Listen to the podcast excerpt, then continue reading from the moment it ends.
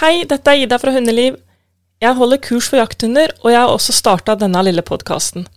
Jeg ønsker å inspirere og hjelpe alle jakthundeiere å få til hundene sine. Derfor har jeg laga en kursportal på nett hvor du kan få hjelp til riktig innlæring. Fram til nå har over 2000 hundeeiere fått hjelp, og nå kan du bli en av de. Gå inn på hundeliv.no for å finne ut mer. I Et hundeliv, denne podkasten, skal jeg lære bort alle mine hemmeligheter og løse ut treningsknuter som dere, mine lyttere og kursdeltakere, sender meg. Hjertelig velkommen. Nå starter episoden.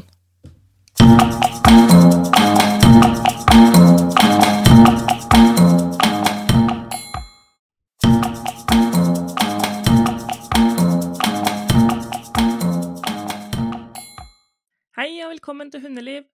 I denne episoden vil jeg snakke litt om engasjement, og hvordan vi kan få en hund som er litt for opptatt av å bry seg om oss, til å komme litt ned på jorda. Det er sommer, og eh, Hunde-Norge har våknet fra dvalen. Eh, Fellestreningen er i gang, og vi møter endelig folk og hunder igjen. Og veldig mange de opplever at hunden ikke virker helt på samme måte i de her nye treningsmiljøene som når vi trener hjemme eller aleine eller med noen få kjente dressurtreningene som eh, vi kanskje hadde planlagt å gjennomføre, blir ødelagt fordi hunden blir opptatt av og vil bort til andre hunder eller andre folk.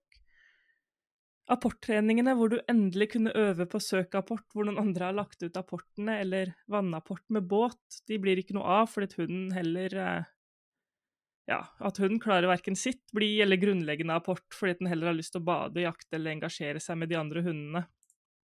Det er kjempefrustrerende og ganske vanlig. Og det handler om forventninger og engasjement, og det bunner egentlig i hvor godt du har fått på plass grunnferdigheten å engasjere seg. Å engasjere seg er en grunnferdighet og en egenskap hvor hunden lærer at den skal klare å ignorere miljøet eller andre ting den har lyst på, for å jobbe med deg. Måten vi lærer det her på, det er først å lære hunden å gjøre ting sammen med oss til tross for miljøet, og deretter så kan vi lære hunden at hvis den først jobber med oss, og virkelig hengir seg til det, så kan den få tilgang på de tingene den har lyst på. Det siste det betyr ikke at hunden alltid må få tilgang på det den har lyst på, og i mange tilfeller så er det helt uaktuelt å gi hunden tilgang på det den vil ha. Et eksempel er når det hun vil ha, er naboens katt. Derfor er også et ledd i denne treninga å lære hunden å ta til takke med det nest beste. Hvis hunden kan det her, engasjere seg, så forsvinner veldig mange av de her kjedelige problemstillingene hvor vi opplever hunden blokkert og ikke klarer å nå igjennom til den.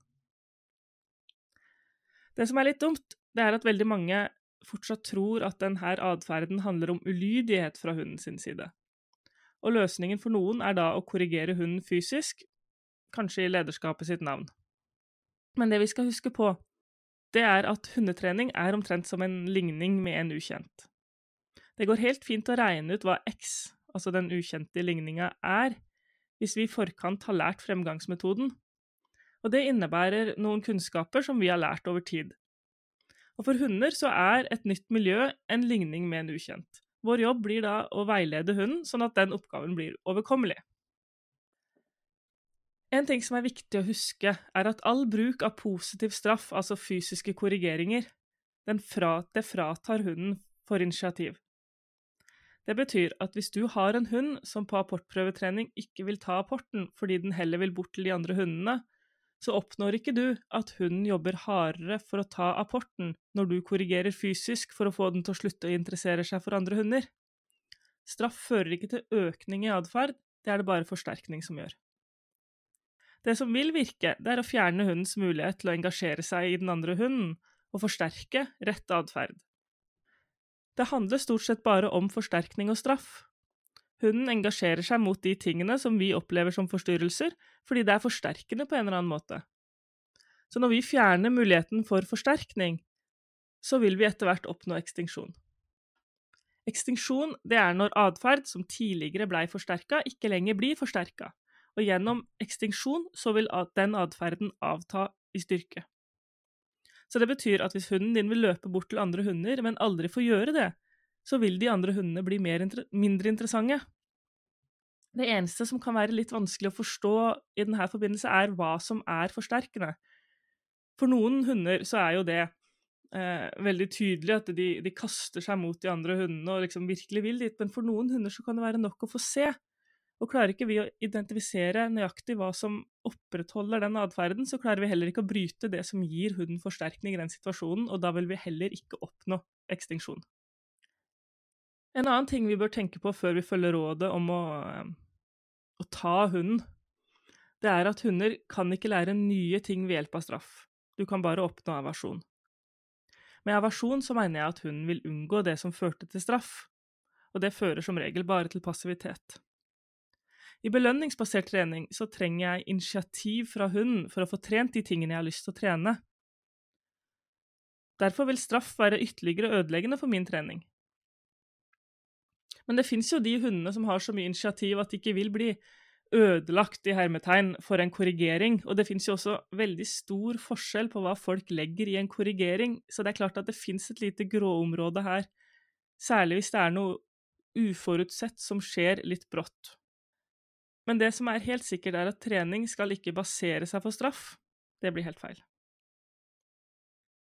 En siste ting når det gjelder straff, er at straff gjør ingen positive endringer i hundens følelser hunder er veldig gode på å assosiere ting. Det vil si at hvis du hvis du lærer inn sitt ved hjelp av positiv straff, altså kobler det verbale signalet sitt med et dask på snuten for at hunden skal lære seg å sette seg fort for å unngå dasket på snuten, så vil hunden ofte assosiere denne forventningen om et dask på snuten inn i andre situasjoner som fører til sitt kommando. Jeg prøver å si det på en annen måte. Eh, hvis, hvis, du har trent sitt på den måten, og så bruker du sitt-signalet i fuglesituasjoner, så kan hunden dra med seg denne forventningen og følelsen inn i fuglearbeidet.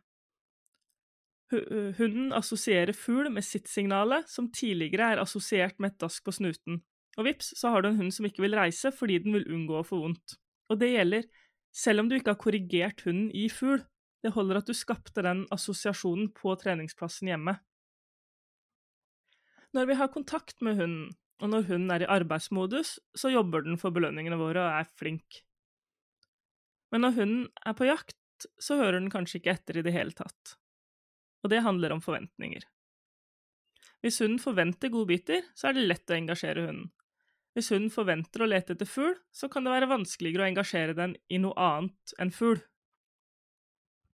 Derfor bør dette her være noe vi alltid har i bakhodet hvis vi oppdager at hunden vår ignorerer oss i et eller annet miljø eller i en bestemt situasjon, så kan du regne med at det stedet eller den aktiviteten er forsterkende for din hund. Det betyr at du kan og bør be hunden din om å gjøre noe annet sammen med deg før du gir, den, gir tilgang til å gjøre det her.